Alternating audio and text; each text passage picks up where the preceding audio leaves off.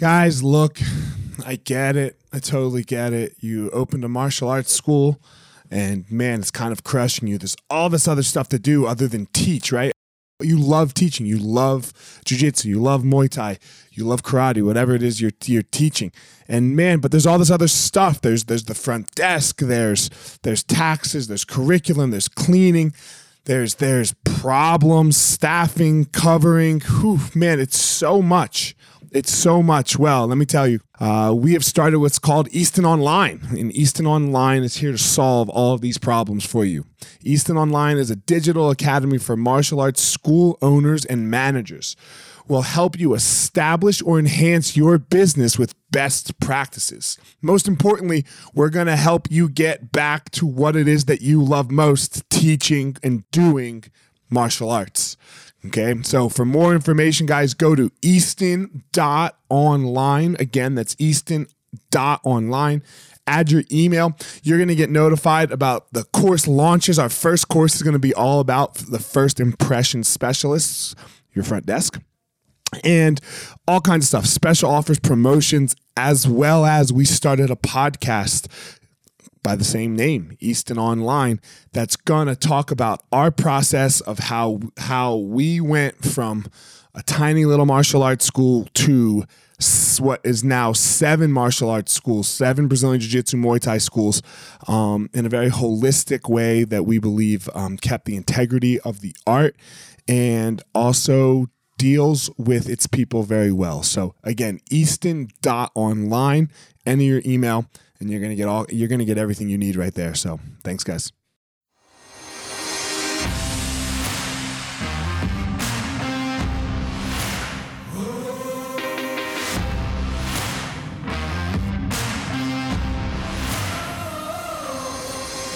What's up, my ninjas? This is former UFC fighter Elliot Marshall, and this is the Gospel of Fire, where we are going to learn how to go into the fire so that we can find our power and live the best life possible.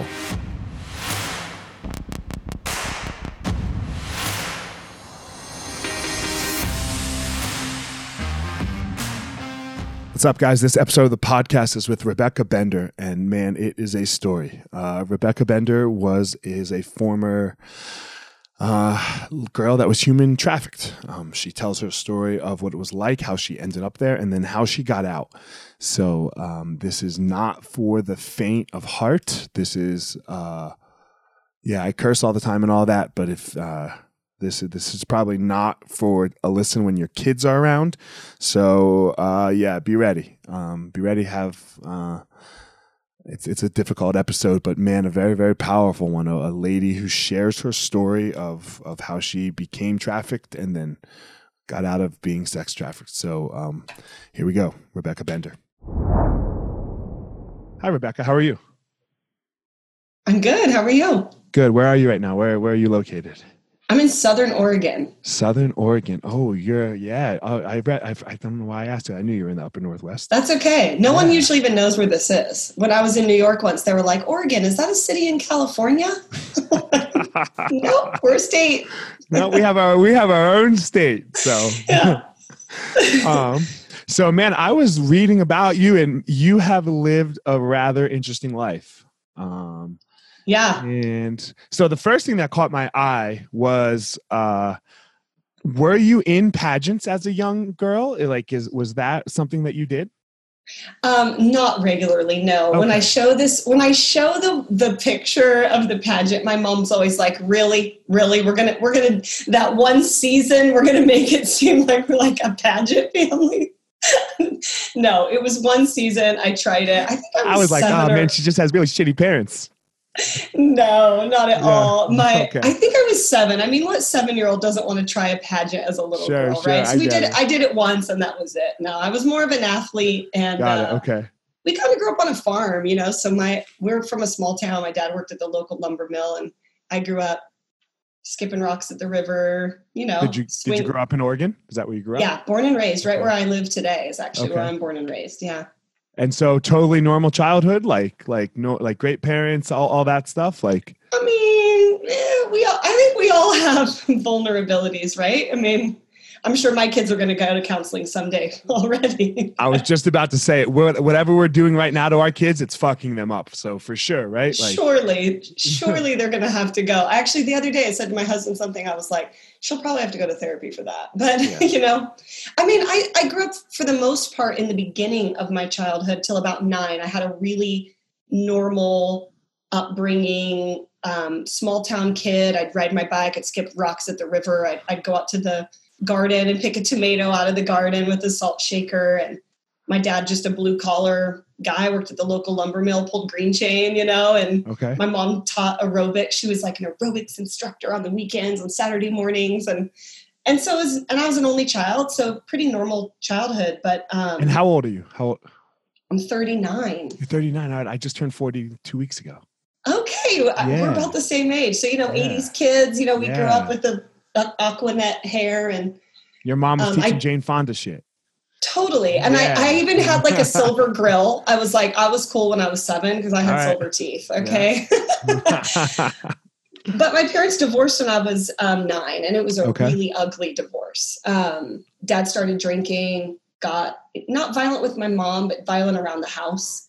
Um, my mom suddenly okay. is a single mom trying to make ends meet, living in poverty, um, on food stamps. You know, so I had a really rough about nine to 12 it was really hard for me. Okay. And then what happened at 12?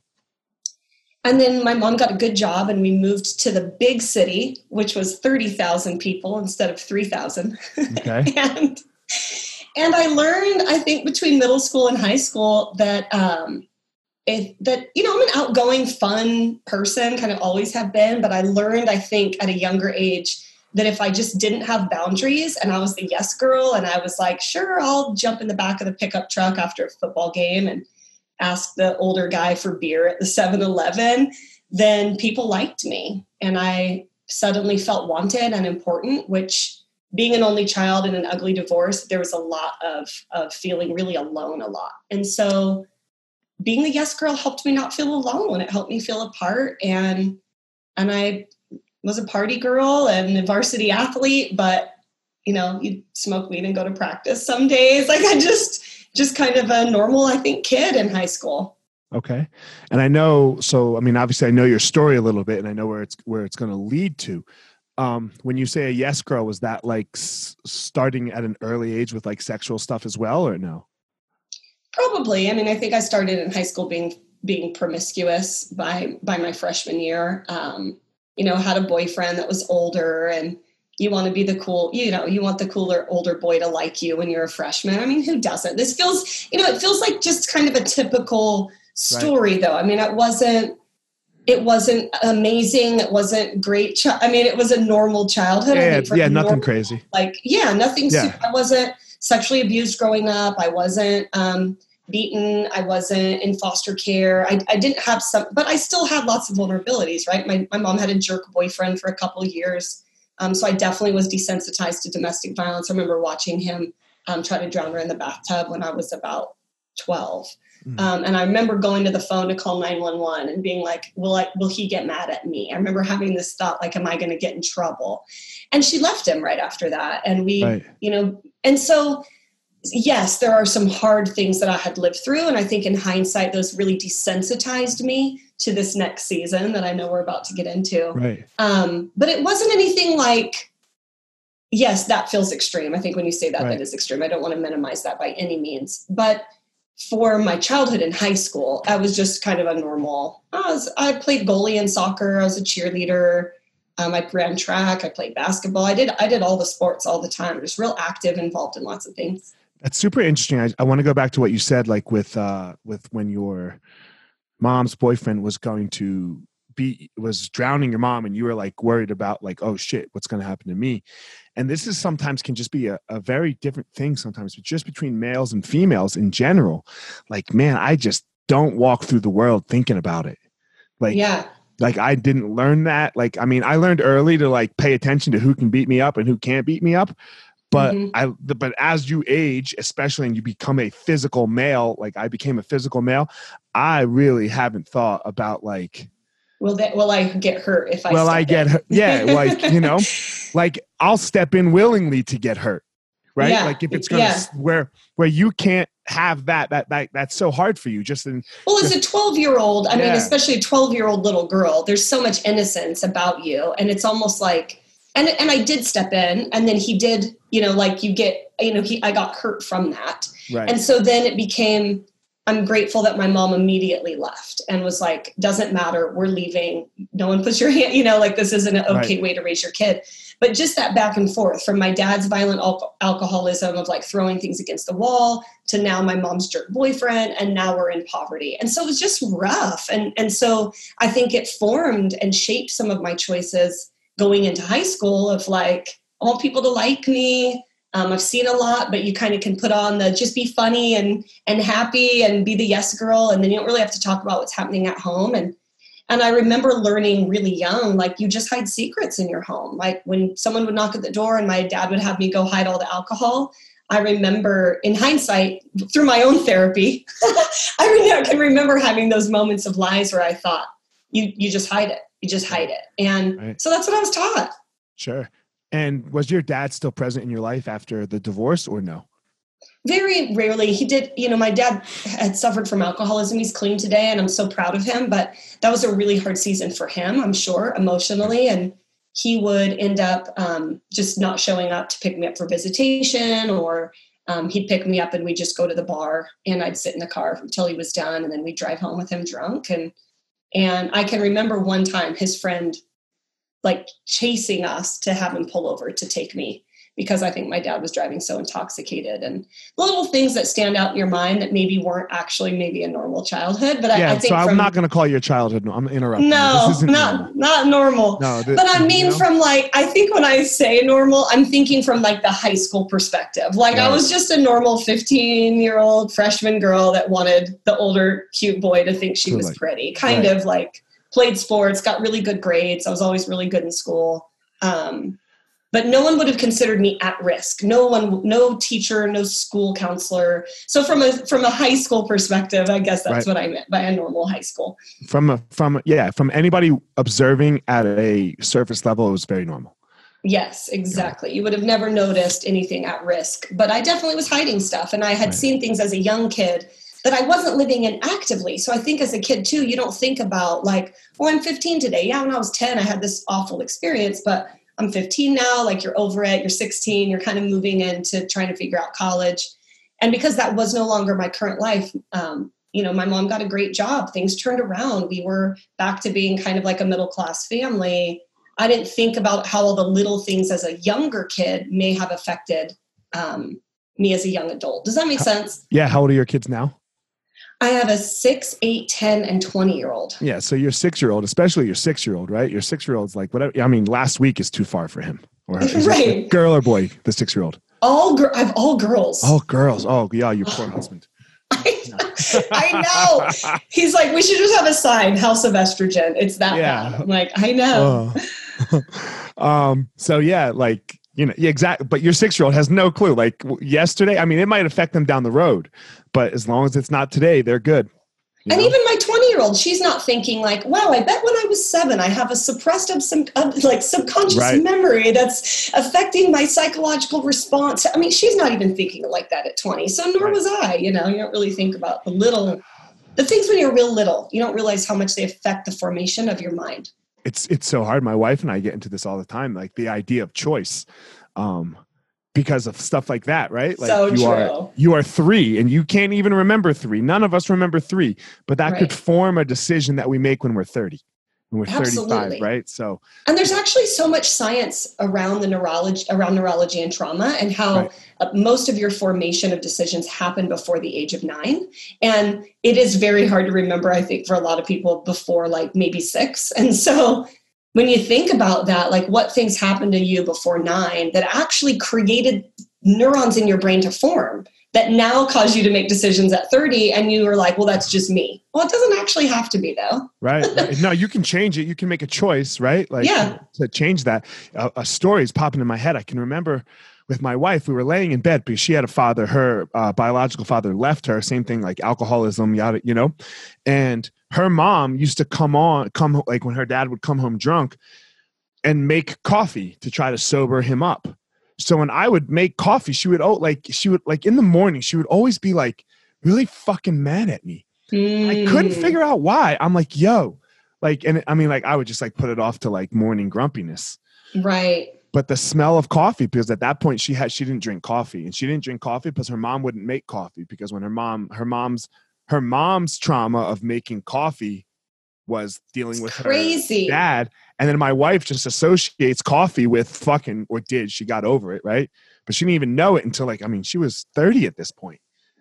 Yeah, I mean, being aware of what some of those senses traumas. This is what we teach cops to do, right? When you're you're thinking of all of the senses, it's not because someone has a bad memory. Sometimes it's getting them to remember. Well, what was the smell in the room, or what was the feel in the air that actually unlocks a memory. Right. Um, it's crazy because all your senses get affected by trauma, and and that's why, yeah, smells, sounds, um, all of it. It happens all with PTSD. Yeah. I mean, it's sensory overload. It's we all have crap, man. Like yeah, we all yeah. have it. And and I think that's the thing that's been so great about my own personal recovery before we get into the biggest part of the story. Right. It's just like remembering that we all have crap and if you can try to figure out what triggers you, what do you have, you know, how, what are some grounding techniques? How do you really go after to, to identify why do you respond so grumpy in the morning at the smell right. of coffee? Yeah, and, and then get some counseling over it and then things get better. Like you yeah. can do it. You can do it. Yeah, we all can deal with that crap.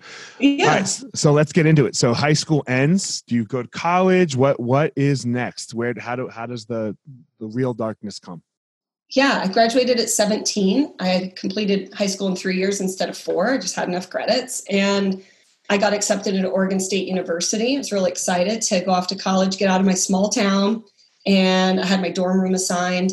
Um, and I ended up going to Maryland for the summer and had a boyfriend and just head over heels in love with and uh, i ended up getting pregnant. And so i thought well i'll just apply for the university here and unenroll from the university there. You know, you know you're 17 18 you're not really thinking that it's going to be that impactful. I'm like why did i not think that was that impactful? And why did someone step in and be like hey you should really go to college? Right. but um, i ended up moving home and having my daughter and um, and I became, you know, a teen mom at 18, having a having a little girl. That's why I'm 20 year old, almost 21 year old today. And um, I ended up moving up to the college town anyway after my friends did their freshman year and moved out of the dorm. They had an they had a room in their apartment. I thought, still get out of my small town, and I was excited. I thought, finally, I'm just gonna. Doesn't matter if I have a kid, I'm still gonna be ambitious so took, and involved. You took your daughter. Took my daughter, moved up to the college town, moved into the dorm room or not the dorm room, I'm sorry, right. into the extra room that they had in the apartment after they moved out of the dorms. And things, those traumas resurfaced. I think I had a lot of feelings that I hadn't identified of feeling really, really alone again. Like suddenly I don't have my support in my family. I'm a single mom and I'm the girl on campus with the kid. You know, 21 years ago, being a single mom on campus was not very common. Um, they didn't have family housing units like a lot of universities offer today. And so it felt suddenly like I was the girl with the scarlet letter of like, oh, there's the girl with the baby. Um, right. And so, yeah, you're not yeah, going to college of, parties. No, not going to college parties, not going to football games. Most right. dudes, once they find out that I had a daughter, didn't really call me back for a second date. I started feeling really alone and unimportant and unwanted again, right? That I had at nine, and and all this unresolved trauma that I didn't even know that that's what those feelings were from, until I met the most amazing guy he was funny and cute and he had a good job and he didn't care that I had a baby. And matter of fact, he made all of our dates like about us. And um, I just fell deeply in love. I thought, finally, the tables have turned for me. Finally, I can have this family that broken nine year old me really wanted. Um, but then I, you know, that, that's what I've been kind of searching for, looking for love in all the wrong places is the as the saying goes. I always think of the Saturday Night Live song, not the real song. If anyone else hears Eddie Murphy looking for Panub, that's me too. I'm thinking that I'm not the only one. Um, and it ended up we dated for six months. He invited me to move in with him. When I was packing up the apartment, he told me that his job was relocating him. And I thought, uh, well, every good woman follows her man, right? And so I begged to go. And I think that for me is really um, important to point out because I think when we when we picture uh, what I what happens next, we imagine you know, white minivans and kidnapped kids and like people duct taped to radiators and and to think that no, I begged to go because I didn't know. Fraud is a very real thing. I didn't know that this this young man uh, was actually a trafficker. He ended up forcing me into human trafficking for uh, nearly six years. Explain this. Well, I mean, I think what most so people don't realize. So you're dating him, right? Like I'm dating him. I'm in. I'm in love. I'm his head over heels in love. 19 year old girl with a, a one year old. Um, not even one. She's probably eight months at the time. And um, yeah, he told me his his job was re- relocating him, and I said, "Well, I'll come with you." And he said, families don't live in Vegas. I'm, I, I need to move to Vegas for my work, and you know, families don't live in Vegas. And I remember thinking, oh, he thinks we're a family. That was the first time he had like said it to me. And so I thought, I can't go back to being that girl with the scarlet letter on campus. Right, right. This guy thinks we're a family. So I've always wanted for myself, and I really want for my little girl. Um, I'll move with you. I'll move to Vegas. I'll transfer community colleges. I'll figure it out. And um, he said, okay. And was he trafficking moved. women at that point up there? He already so, had one victim I didn't know about at the time. Okay. And was he like with her too? Was he like dating, like dating her as well. Mm-hmm. That's how so a lot brought- of traffickers start with. They call it a Romeo trafficker, where they use okay. a false sense of romance and relationship in the beginning. That's not all gro- um, grooming and recruiting tactics, but uh, there's usually a few different types of tactics that we see common in exploitation in the U.S. And one is definitely what we would call a Romeo. So it was his goal to get you to come to, with him? Was like, is that what he yes. wanted? And you just yes. played right into it. You just yep. Like, and so he took like the ah no you don't want to come and you're like oh yes i do it's like reverse psychology right it's right. like how do we get our kids to tie our shoe it's like i'm going to race you to tie my shoe i could care less i'm just trying to get you to tie the shoe and okay. he was being mentored I, I make my kids i tell my kids i'm like look you don't have to wear shoes but if you hurt your feet while with no shoes on i'm not helping you like, you, like yeah. if they're cut and bleeding, then no way. Fuck you. You're on your own. However, if you hurt your feet while you have shoes on, I'll do whatever it takes. And they look at me and they get all mad and they go, fine. And they put their shoes on. There will never, they'll never have to get therapy for that, I'm sure. Oh, Threats from daddy that he's not going to take care of you. Hey, you're raising independent kids. That's what I say. I'm like, she's fine. She can pull her chair up and make her own PBJ. I'm raising independent women. She'll be good. She'll be good. So yeah. Anyway, go ahead. But no, he was yeah he was being mentored by um, an older trafficker. Come to find out later, um, he was a young. Like that. Yeah, that was good. Mentored by. yeah, I mean. Fuck yeah. That that unfortunately is a lot of people yeah. will ask, how do young men get into this? And I'm like, they have friends that are you know when the same vulnerabilities that get young girls into human trafficking are the same vulnerabilities that i think lure our young men into selling selling drugs, gang life, pimping, any of it. Organized, right? How do people become? Right, right. It's, this, it's a feeling of belonging and, and living in poverty and not having a lot of healthy role models. Those are all issues, whether you're a boy or a girl. And just the and result is going to, yeah, it's crazy. So, he he has his own story to tell and and someday i hope it's turned around i don't know for sure uh, last I saw his criminal record, he was doing jail time for like stalking and drugs or something. But so anyway, he hasn't figured it out yet. But I don't think he has. I'm hopeful for everybody, though. I want right. everyone to to figure out we don't have to live according to our past. No. We don't have to live according to our traumas from our childhood, and you do have a choice and take some work, but. I'm gonna stop you on like this, the story here because man, you said you're hopeful that he figures it out. That is a really fucking hard thing to do. Because he, uh, God, I don't want to say ruined your life, but because it seems like this, you're, I, I am a believer. And it seems like you are too. Of like this, this tough experience kind of made your life, you know. But yeah. that still sucked, right? Like you know, I feel sucked. Yeah, and the hard thing is, not everybody is so fortunate um, I know girls who have died in prostitution. I know women who have been strangled to death and thrown out in hallways. I know women who have been so horrifically hurt or stabbed or contracted something that has completely ruined their life and they will never come back from. And, and so it's really Russian roulette.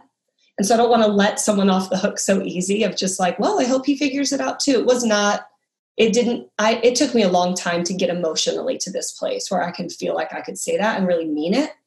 Um, but that's not everyone's, that's not everyone's end story. Right. And so like, it's really hard. To, I have girls that I ended up getting trafficked with, and we can get more into the stories, end up getting sold and traded between several traffickers. He wasn't the only one that trafficked me for that amount of time. The one I was with the longest, um, we actually had several wife in laws, they're called, and there are other women in the home with you. And so I had three wife in laws. And one of my wife in laws ended up getting um, sentenced to a year in prison for, for for tax evasion. He put everything in her social and never paid taxes, so she oh, did prison time. Yeah she has a felony she'll never be able to i mean she's doing great work today but like felonies are hard right i mean these are real criminal the criminal system is really hard to navigate when you're trying to to get back on your feet after really hard times. And i'm you know i have s- several arrests on my record that i had to really work through and took years until i could get expunged. Um, and every state is different so it really depends on where you happen to get trafficked. God we're touching so many issues there right? Because we're talking so many! I know because I've you know I, uh, I'm African American. My dad's my dad's black. You know, and like the whole like school to prison pipeline is is this kind of like like it's a top. You know, like you get these kids in trouble early, they go into jail early, juvenile, and then they just their their criminal life follows them, and it's. I don't. You you in my opinion are the fell through the cracks of prosti- of, of girls that get trafficked. You got out. Most don't. Right? right. So when we say somebody falls through the cracks, I don't think falling through the cracks is like somebody who starts with your life and then ends up in jail and dead and yada yada. No, that's landing exactly where you should, right? Like most people land awful. Falling mm. through the mm. cracks is being able to get out of it. Like my right. life, yeah. It's like it's like you flipped it. Yeah, yeah. yeah. my life with with like I, I, had a perfect upbringing, like perfect. It couldn't be better. Uh, well, sure, you know, as far as like mom, dad, yada yada. You know, like it couldn't have been better. I couldn't have had two better parents. If I ended up there, that's falling through the cracks. Right. But, uh, you know. Well, and I think the issue of human trafficking hits so many different parts of intersectionality, and, and right. we use that phrase often currently in our climate. And I think a lot of people don't realize what it means in, in terms of like everything kind of intersects. Human trafficking is not an isolated crime over here. People that are traffickers come oftentimes from poverty they come from abuse they come from prison reform they come from having no no positive role models um, traffic victims huge percentage come out of the foster care system the state i live in in oregon 95% of trafficked teens had been in foster care since age two you want to talk about a deep need to love and be loved like I see traffickers pulling up at girls' group homes and foster care. We just prosecuted a case in, in California. A guy got 31 years for trafficking girls out of foster care group home. He purposely went and got a job at a low income cell phone store that was right next to a girls' foster care group home on purpose to meet these 16 year old girls and write their phone numbers down. And then he trafficked all like pe- people are being intentional and it's cra- it's shitty. And and also there's all of these systems that have actually created these traumas that are luring people into and i'm not saying anyone like oh there's just no other possibility. Don't don't hear me on that. But i'm just saying we have to be alert of what vulnerabilities exist that get kids in these situations. That's where we start fighting. You want to you want to prevent trafficking? Go work in your foster care system. You want to prevent trafficking? Go volunteer at boys you know big brother big sister. It, it's it it all helps. It all matters without a doubt. And it, it's the systems right that we have to start to change right? It's the yep. systems. It's the systems that people me you all of us are brought up in.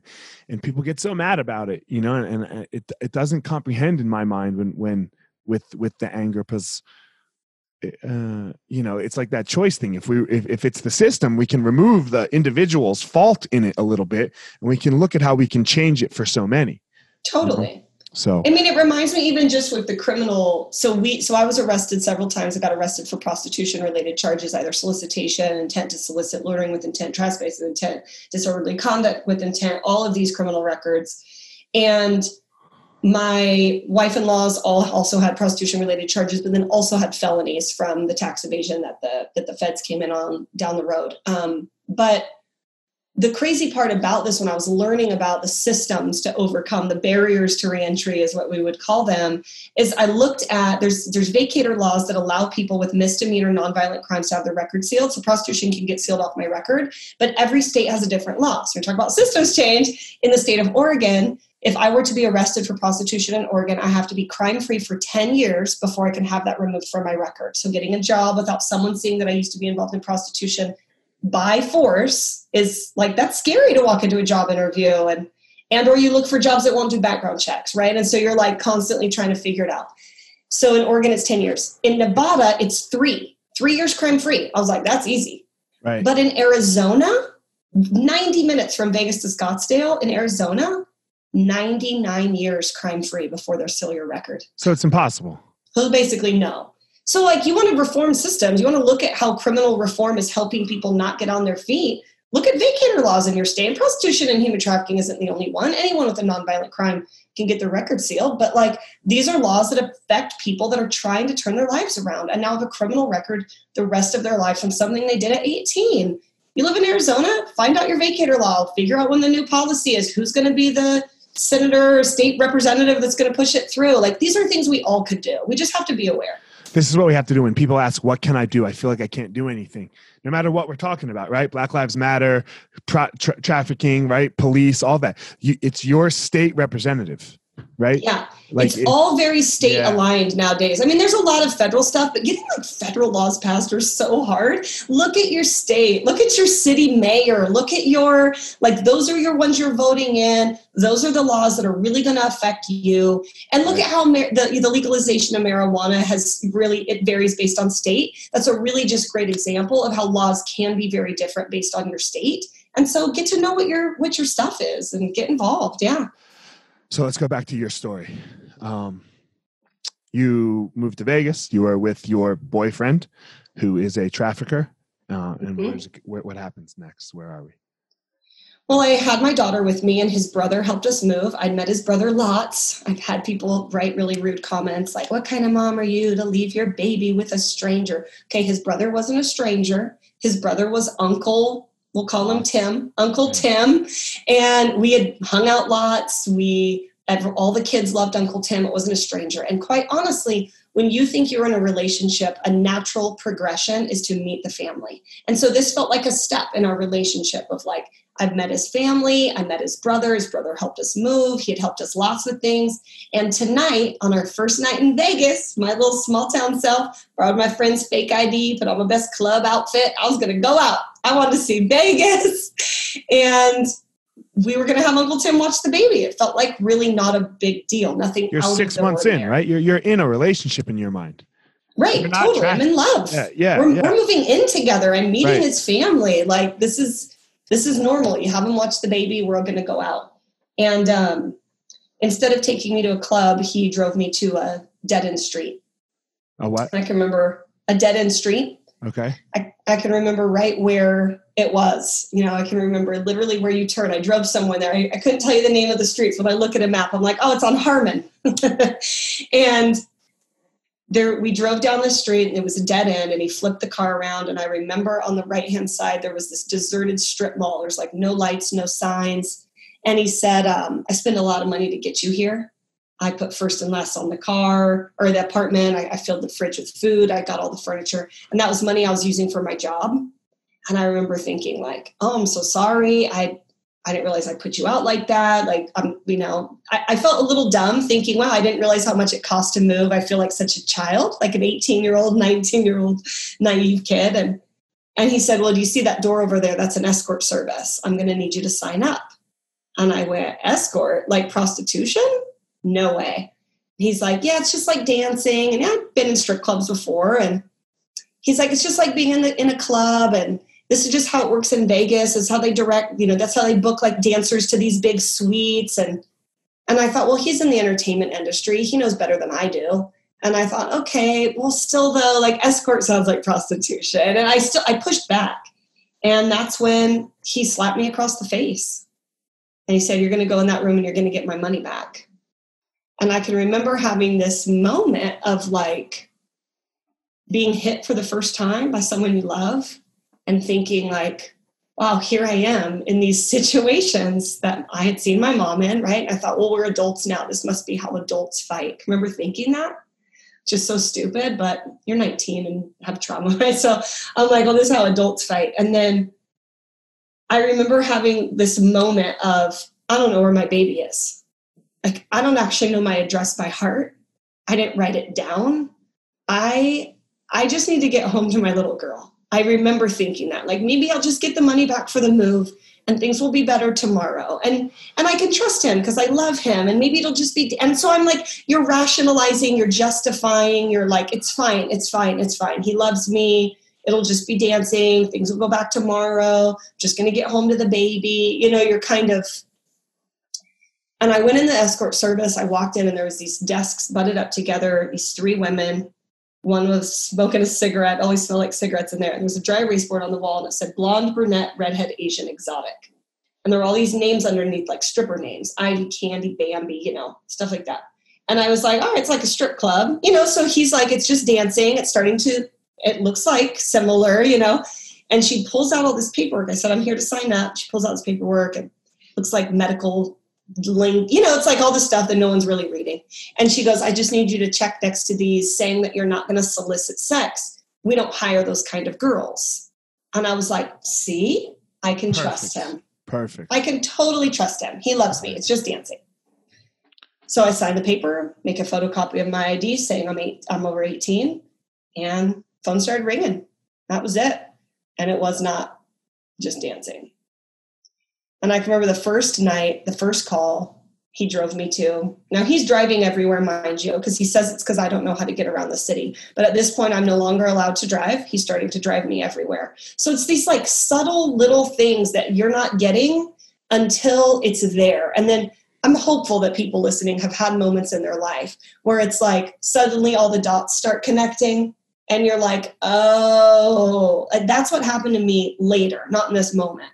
But about uh, you know about a month in when you're like this isn't this isn't what i thought it was. Like oh my gosh you tricked me to get me here. And that's why we think of the definition of human trafficking by by the court of law to prosecute a case. It's the use of force fraud or coercion to get somebody involved in commercial sex and profit off of the commercial exploitation of another human being. So the use of fraud at point of recruitment um, passes that legal definition so we get there to the first call and um, we're driving there and he's starting to already tell me like how it works. So he's got 150 drop, you're gonna get $150 pickup for the escort service. You have to tip 20% of whatever you make on top of that to your phone girl. That's your cut. You want to start your tips at 600. And I'm like, wait, what? He's like, start your, you get the 150 drop, you call it escort service, you tell them you're checking in, you tell the guy the tips start at 600 and then you give 100 to your phone girl and you keep five that's how it works. I'm like, so dude spends $750, but I only get five. And he's like, that's how it works. I'm like, okay. So you're already thinking, what kind of dancing is this? You know what I'm saying? But 500 it, bucks, that's a good dance. Well, and technically dude's been in 750. So for him, right. he really wants a good dance. Right. Um, but he don't know that 250 or one, you know, however much is going, sure. 250 is going to the service. Sure and he doesn't know that 500 will be taken from me by a trafficker. So i'm really getting zero dollars. Zero. So i walk in knock on the door it's a townhouse guy opens the door he looks like an old um, i always describe him as like an old high school quarterback. Like he just looked like this in his early 20s fit attractive wavy brown hair. I remember thinking if i would have met this dude at the on college campus like I would have given him my number. Like, not literally, but just in my right, mind, right. like, this isn't meeting the stereotype that we see in the movies. It's not this old, fat, unbuckle his belt buckle, smelling like salami, kind of like picture we've all seen in that Jason Bourne film. You know what I'm saying? Yeah, yeah. So I'm like, all right, well, and you know, you got you got your quote unquote boyfriend who at this point he's, you know, he's starting to make it more and more obvious. But I get there and I'm just starting to think like I just need to get home to my baby. I just need I just need things to get back to how they were yesterday. Like when I was excited and happy and thought that my life like you're just like this can't be happening. Things will be better tomorrow is kind of what I just remember like thinking. And so I get in and the dude's you know, I walk in the thing and I just start dancing. I get the drop, I get the 150. I call the service, I check in, I do what I'm, I'm told to do. I start dancing. The dude kind of looks at me crazy, like, okay, and pulls me over. And I just kind of freeze. And I remember, like, I can't believe I'm crossing this line that I swore I would never cross, that I am not this kind of person. I didn't want to be here doing this. I was told this was going to be different. And and so you just kind of freeze, you know, I've heard fight, flight, or freeze. I just kind of froze. And then as soon as I had this moment of like, if I run, is he going to hurt me? Am I going to be able to get out of the room? Like I'm in a stranger's house. Like you're having all these thoughts. And as soon as you're starting to maybe think of a plan, he's done. And you're like, okay, well, shifting now back to rethinking through the next plan. You know, like I think that's something I bring that up not be, to be detailed or descriptive because I know we have a lot of male, male, you have a lot of male listeners. It's all right. I bring it up because it's not like the movies. Like you are trying to think through a plan, and people will be like, well, why didn't you just run? Why didn't you just grab a grenade, bomb the Bellagio, jump out the window and run for freedom? And you're like, okay, this isn't Salt. I'm not Angelina Jolie. Like, there's you're literally trying to think through a plan. I had a friend once. Uh, I had a friend who she's. You, you don't have to justify anymore to my audience, right? Because this is the most important thing. Is like we have to hear somebody else's story right because we can watch the news and we can watch all the movies that we want and think how, and we can think how we want to think about someone else's experience because it looks similar to something else that we've read about or heard right but when mm-hmm. you hear it from the mouth of the person who experienced now we're talking a different story so please i don't mean to interrupt you but don't apologize no, thank you to the audience yeah go ahead well I, I have a i have a friend who's a survivor and she just very briefly, and I'll get back to the story. But what I love that she shares sometimes in her own story was she was in the car with her trafficker, and she knew that she was being taken to be sold. And hers was more, a little bit more violent in the beginning than mine was in the beginning. Mine got very violent, but in the beginning it was more of a trick. Um, and she says I re- that she remembers saying, "At the next red light, I'm going to jump out." She said, but every light was green, and within like less than a mile, we were there. And it just hit me when she was sharing that that it was like people have all these ideas of how it should perfectly align for a great screenplay. But real life it doesn't always work like that. There isn't always a red light in a in real life. And it isn't you know so far away that there's going to be multiple opportunities. It, it was a very quick a few blocks away you know? And so i just think it's important for people to remember that real life doesn't align how we envision it from from something we've watched. And and so anyway here i am frozen guy's done. I he takes out some money afterward which is not normal but i didn't know what i was doing then. And he kind of hands me some money and i just ran out the door like angry, hurt, pissed at myself. I felt stupid for being like tricked. I was like, how, you know, I'm a smart kid. Like, how could I, how could I fall for this? And can't believe that I'm giving in to like this guy that I really love and I thought was going to be different. And so you're just having like, you're just beating yourself up the whole time. And I got in the car, the truck, and he goes, How much did we make? And I remember pulling out the wad of money. And I said, I think like 300 and something. And he took it from me because I just had it in my hand. Like, I think 300. And he took it from me. And he goes, uh, You'll do better next time. You didn't have sex for this, right? And I just was like, What have I done? What have I done? I mean, did you have sex? Yeah. Yeah. Okay. Well, he had sex with me. Right, right, right. Should frame that better. Um, um, but I think what's important is it's just like people don't.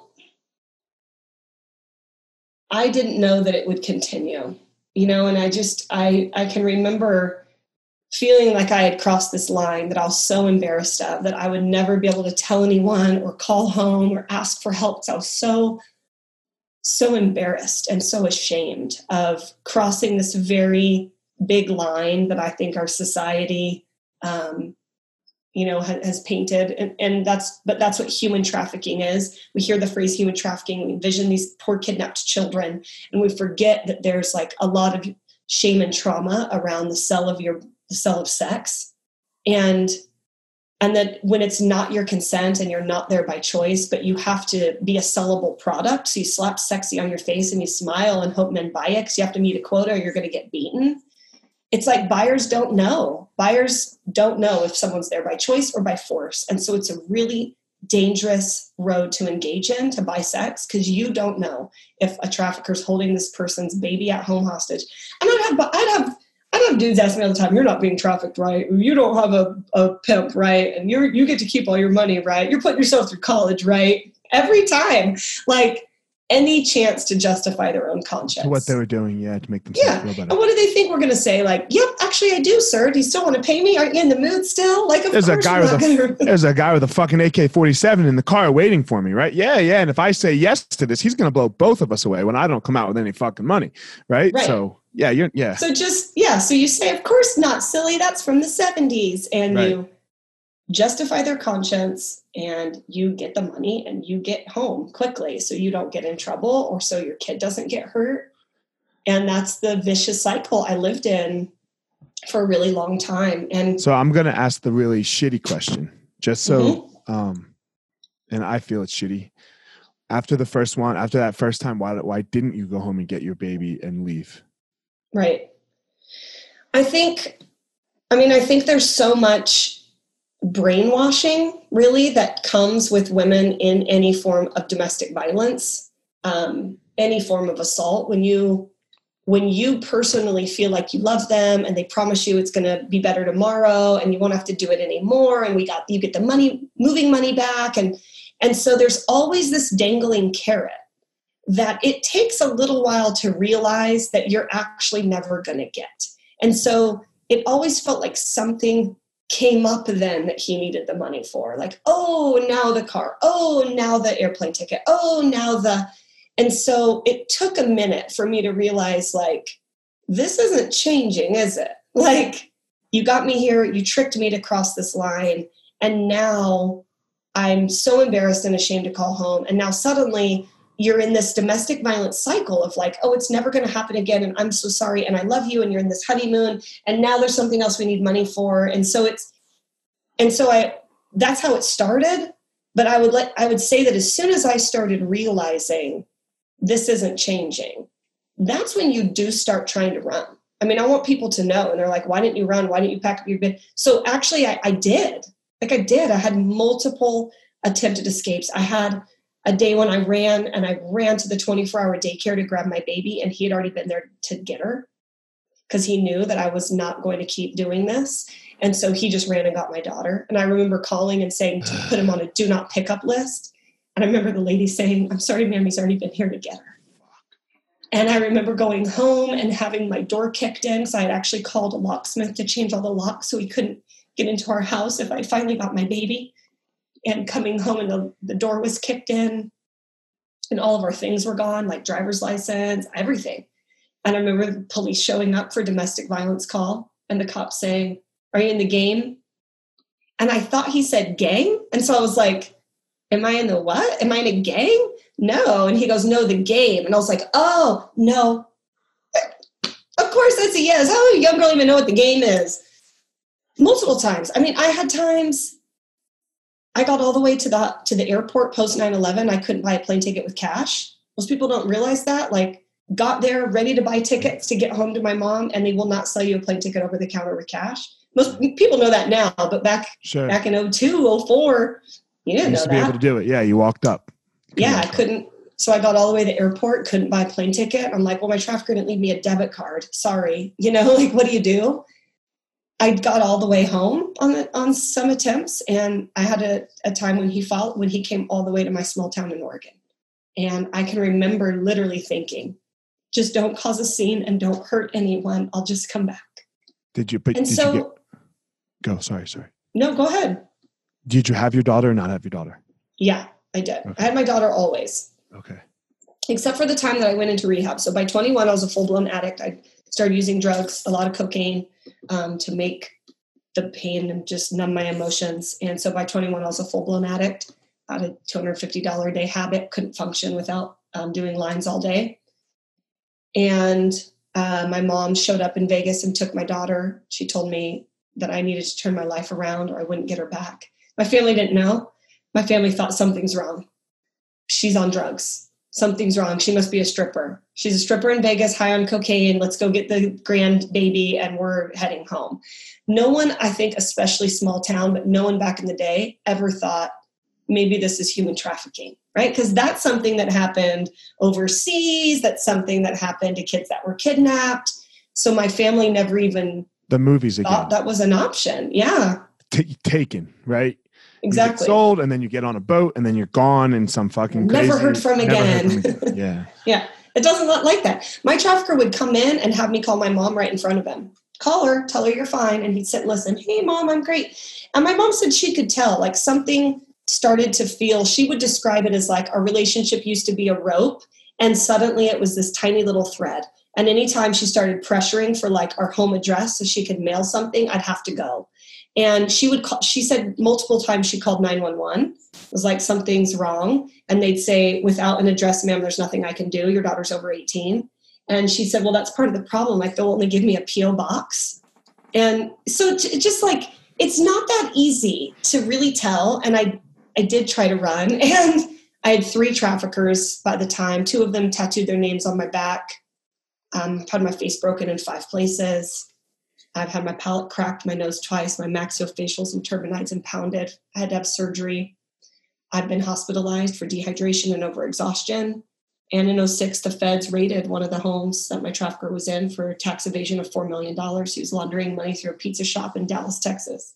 And um, that eventually led to me running because he got sentenced to tax evasion and he got uh, 12.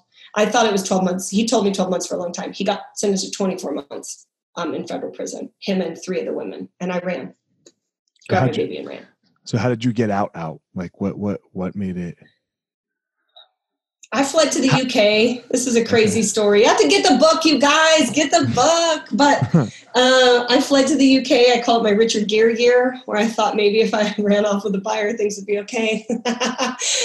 Doesn't work that way in real life. You are not Julia Roberts. Um, so I went to the UK for a year. I thought, you know, if dude can't find me, he can't come.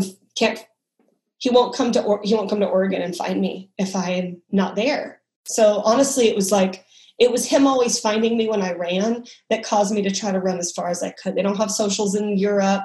I had this free offer. I was just like, screw it. I had nothing to lose. What'd you do in Europe? Uh, I just I started to rest again, and so you know I don't want to paint the guy as a as a total bad Richard. Richard Gere wasn't bad, but you know what I mean. I don't want to paint it paint him too bad. I mean, he was a buyer, but um, he's a single man. He wasn't married, and um, and I didn't have to work, and it was it was a it felt like a year that I could finally take a breath.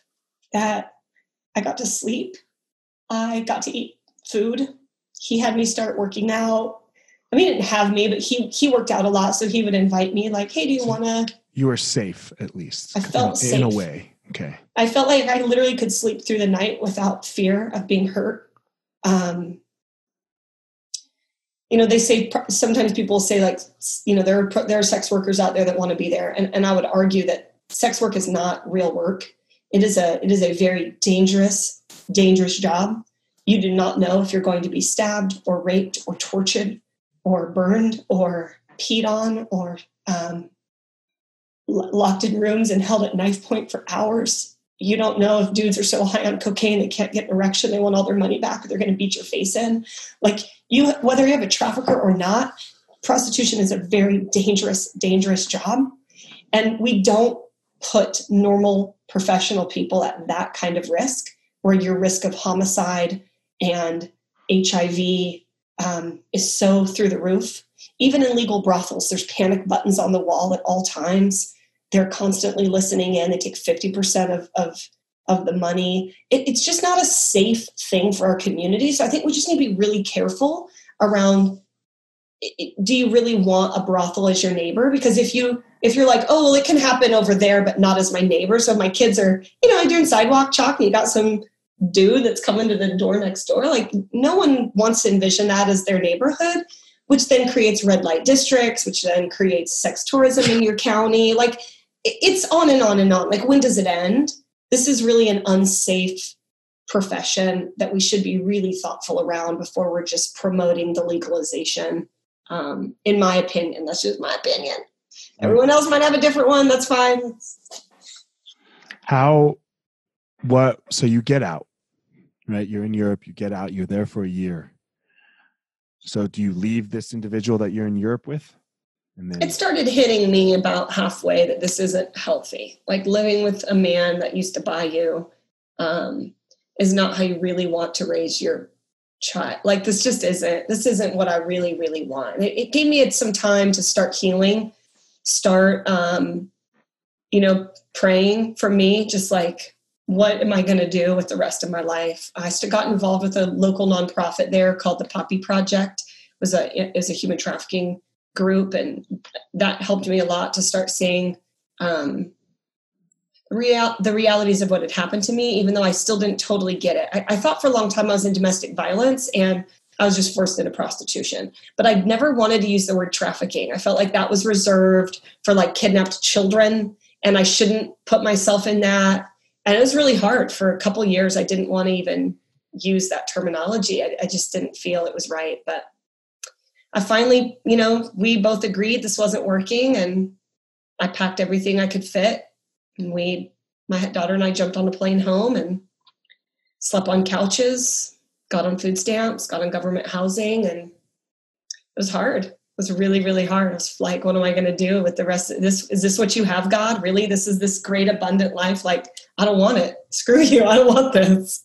How, how old were you? I was probably, gosh, this was at 09. How how old are so you? So you're 28. Yeah, you were 28. 28. Yeah, I was 29. Yeah. You were 29. I was 28. Yeah. And I had a nine year old by then. She was nine, and I just remember feeling like um, I'm just going to work at Walmart the rest of my life was literally what I thought my future held. I thought I'm just going to work at Walmart, going to be on food stamps and live back in this tiny ass small town that I worked so hard to get out of that took me on this 10 year horrible, horrible adventure, for lack of better words. And I really felt hopeless, to be honest. I felt more hopeless coming home with nothing. How'd you find some hope and how did you not work at Walmart? Uh, not that. Not, look, that that's not, a bad thing. Not, right. Yeah. Yeah. Sorry. No, sorry. no, that's not a bad thing. I want to, I want to clarify that in my town, I lived in such a small town that was the only big store, the only option when our town was that. And so in my mind, it felt the, the real hopelessness was I had no options. Right. It wasn't about the, the venue. Right. The hopelessness was yeah. no. Yeah. It was just like I'm going to work at my only option for the rest of my life. Like this is is this my destiny to you know? And um, honestly, for me, it was my faith. For me, it was God. I've gotten I got radically saved and delivered from drug addiction in the middle of my human trafficking. Um, and so I knew God was real for me. Um, but I lived then in being trafficked after that sober and uh, was hard. And so I set out back on this kind of pilgrimage to to find out who God really was for me. And um, and if you know He promised abundance I wanted to see some fruit of that. I wanted to see some manifestation. So I kind of felt like I felt like I was like wrestling God. They say, you know, the guy that wrestled wrestled God until he took a hip out, wrestled an angel. And I kind of felt like I had this moment where I was like, this sucks. I don't want this. And and I felt like I, I heard the Lord speak to me and say, if you give me the same amount of time that gave the enemy, I'll never be outdone. And I was like, all right, homie, you got six years. And this shit ain't better, bro. I'm out. That's what I remember telling God. and things got better, but it it took six years. I mean, it took took work. It took finding minimum wage job and riding the public bus. It took going to night school. It took like every time I wanted to run or every time I thought if I just turned one trick on my own for Christmas, I could get 500 bucks for Christmas present. And I would have to cast that thought out and be like, nope, I'm not going there. I'm choosing to turn my life around. And it was hard. It's hard. Fighting your own thoughts are really hard. It's the hardest fight. Yep. How did he? Did your trafficker ever come back after you? No, no. I've never been contacted by him. A lot of people ask me that, and you know, I was for a long time. I didn't want to go public because I was afraid, and um, I would do interviews anonymously. I'd do interviews without my face being shown, and I was afraid. And then somehow I started telling uh, my story with the with the hope that it would be solution centered for law enforcement was how it really started. I thought, you know, if cops knew, would they treat us better? Would they be nicer? Would they? I don't know. I wanted to believe they would, and so I created this law enforcement training. I thought I had something to offer vice cops, and you know, I'd been arrested all these times, and then I had this other federal investigation. So I thought, hey, I got these two different civil and state, or I mean, state and, and federal charge. What if I just taught cops how we laundered four million dollars. Like, would they would they want to know how we did that? and so I put together a training, and surprisingly, it, it just it grew really rapidly. And now, year to date, we've trained over hundred thousand law enforcement officers, chief of police, homeland security, CIA, by you know financial crimes, by schools. Um, we just, I work special ops for Super Bowl. We've done a ton with law enforcement, and and I'm so grateful um, but now I'm like, I wish he would try to find me today. I just call some friends. yeah, please. Right now, it's please come to come come call me. How did so you have you have a normal you have a normal life now, right? What husband, kids? Yeah, I met a great man. He's phenomenal. He's just my rock and so supportive and and so um, supportive in my own journey of healing and really patient with me. And I'm so so grateful and really supportive for me to kind of go after my call and share it with the world. And um, so we got married, been married 10 years, and we have now four beautiful daughters. My oldest is 20, um, but I've, we have three little girls, six, eight, and 10 and yeah wrote a book in january in pursuit of love available anywhere books are sold small shameless plug and it's okay i'm going to plug it too so don't worry. That's cool. And now we have a nonprofit that not only equips first responders but we started a school for survivors to help them figure out what they wanted to do with the rest of their lives. So it's really a career exploration course. And um, we've had over 700 survivors of human trafficking go through that school in the us last question yeah. Why in the world would you come on you don't know me right? Like why why would you like this is like you know this is hard for you. Like this this story obviously like why why would you come on like you already have it going right? Like you're doing your thing you wrote your book you have you're, you're successful great life you know? Mm-hmm. why why come on this podcast and tell mo- mostly a, just a bunch of dudes you know your story? Why would you do this I think it's really great when we get to share with certain like circles and demographics of people that don't normally come to our stuff, right? Like I speak at human trafficking conferences all the time. I'm on the road 30, you know, weeks out of the year. Like uh, we're on the road all the time. And and here's the thing, is I've had these moments where I've thought there are millions of people who aren't coming to our conferences or reading our books. And how are we going to get in front of people. For me, entertainment is one of the greatest tools we have to shape a culture. And that means telling story through podcasts of people that might not be going to human trafficking conferences or picking up some In Pursuit of Love book, which feels very marketed to women. I'm just going to say, still really grateful for the book deal. um, but how do we get in front of people? And it's through opportunities like this that allow us to really share just at least my experience, the experience of the hundreds of women that I've served experience of the hundreds of thousands of officers that we've worked with. Um, this is more the common story than the pro sex work narrative that I think the media will hear because it's sexier, right? This isn't a sexy topic. It makes people feel uncomfortable. And so when I get a chance to share it, I I love it. I love to be able to share the truth. Well, I just want to say thanks because I know uh, it was hard to listen to, you know, even though um, I don't, I don't know if enjoyed is the word. That's not the word. I, I, I appreciate your story and I appreciate you sharing it. Um, I appreciate that time that you spent with me um, and, and, talked about it. So uh, I know it wasn't easy for you. So thanks a lot, Rebecca.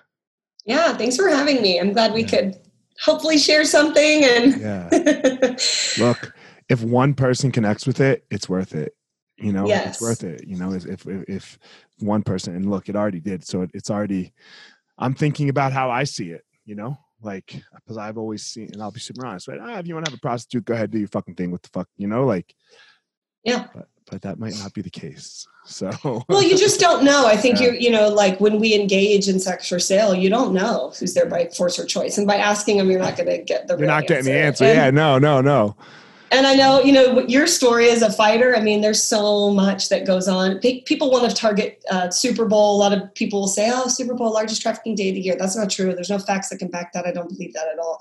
Um, we've actually did an article with Sports Illustrated called Big Game, Big Myth, because I don't think that's a true statistic. What we do see a lot in is UFC fights, see a lot of trafficking at, at boxing matches you know, when May- Mayweather and Pacquiao came to town, that was the busiest day of the year for trafficking. And no one's looking at some of those. There just hasn't been any research that's comparing different events where large groups of men congregate. There just isn't. Look, you, we, I mean, like you, you, I know what we hear as males go to Vegas. It's, it's legal. It's not right? legal, like, though. Yeah, yeah, I know. yeah, it's yeah, not legal. It's not legal, but that's what you hear. You know, that's what right. you're told. That's the that's the narrative. So Right. Yeah, not legal. I got the record to show. but well, thanks so much for having yeah. me on. Tell everyone where they can reach you if they want to, if if they connected and want to reach out or anything like that. Where can they find you, Rebecca? Yeah, you go on our website, RebeccaBender.org, and all of the social buttons are at the bottom. I'm on Instagram the most. It just seems the easiest right now. I'm sure that'll change in a yeah. few years, but yeah, Facebook's a little rough right now. So you, for gotta, sure. Fuck, it's brutal so bad. It's so, just like troll day. I just can't do yeah. it. I, I got to stay on the gram, man. Stay on the gram. I'm so, over there. All right, guys. Well, look, as always, Rebecca has obviously a very unique power that she's discovered in herself. Um, I have my own unique power, and we all have that power. So go out there and find your power, everyone. All right, everyone, thanks for listening to this episode of The Gospel of Fire. If you enjoyed the episode, I'd love a review on iTunes or wherever you are listening to this podcast. Don't forget to follow me on social media at FireMarshal205. If you are a BJJ enthusiast, check out my YouTube channel. I put all kinds of instructional DVD uh, videos out on there, so go check it out. My book is still out on Amazon by the same name as the podcast, The Gospel of Fire. So if you are interested, go check out that. And most importantly, guys, go out there every day, find your power.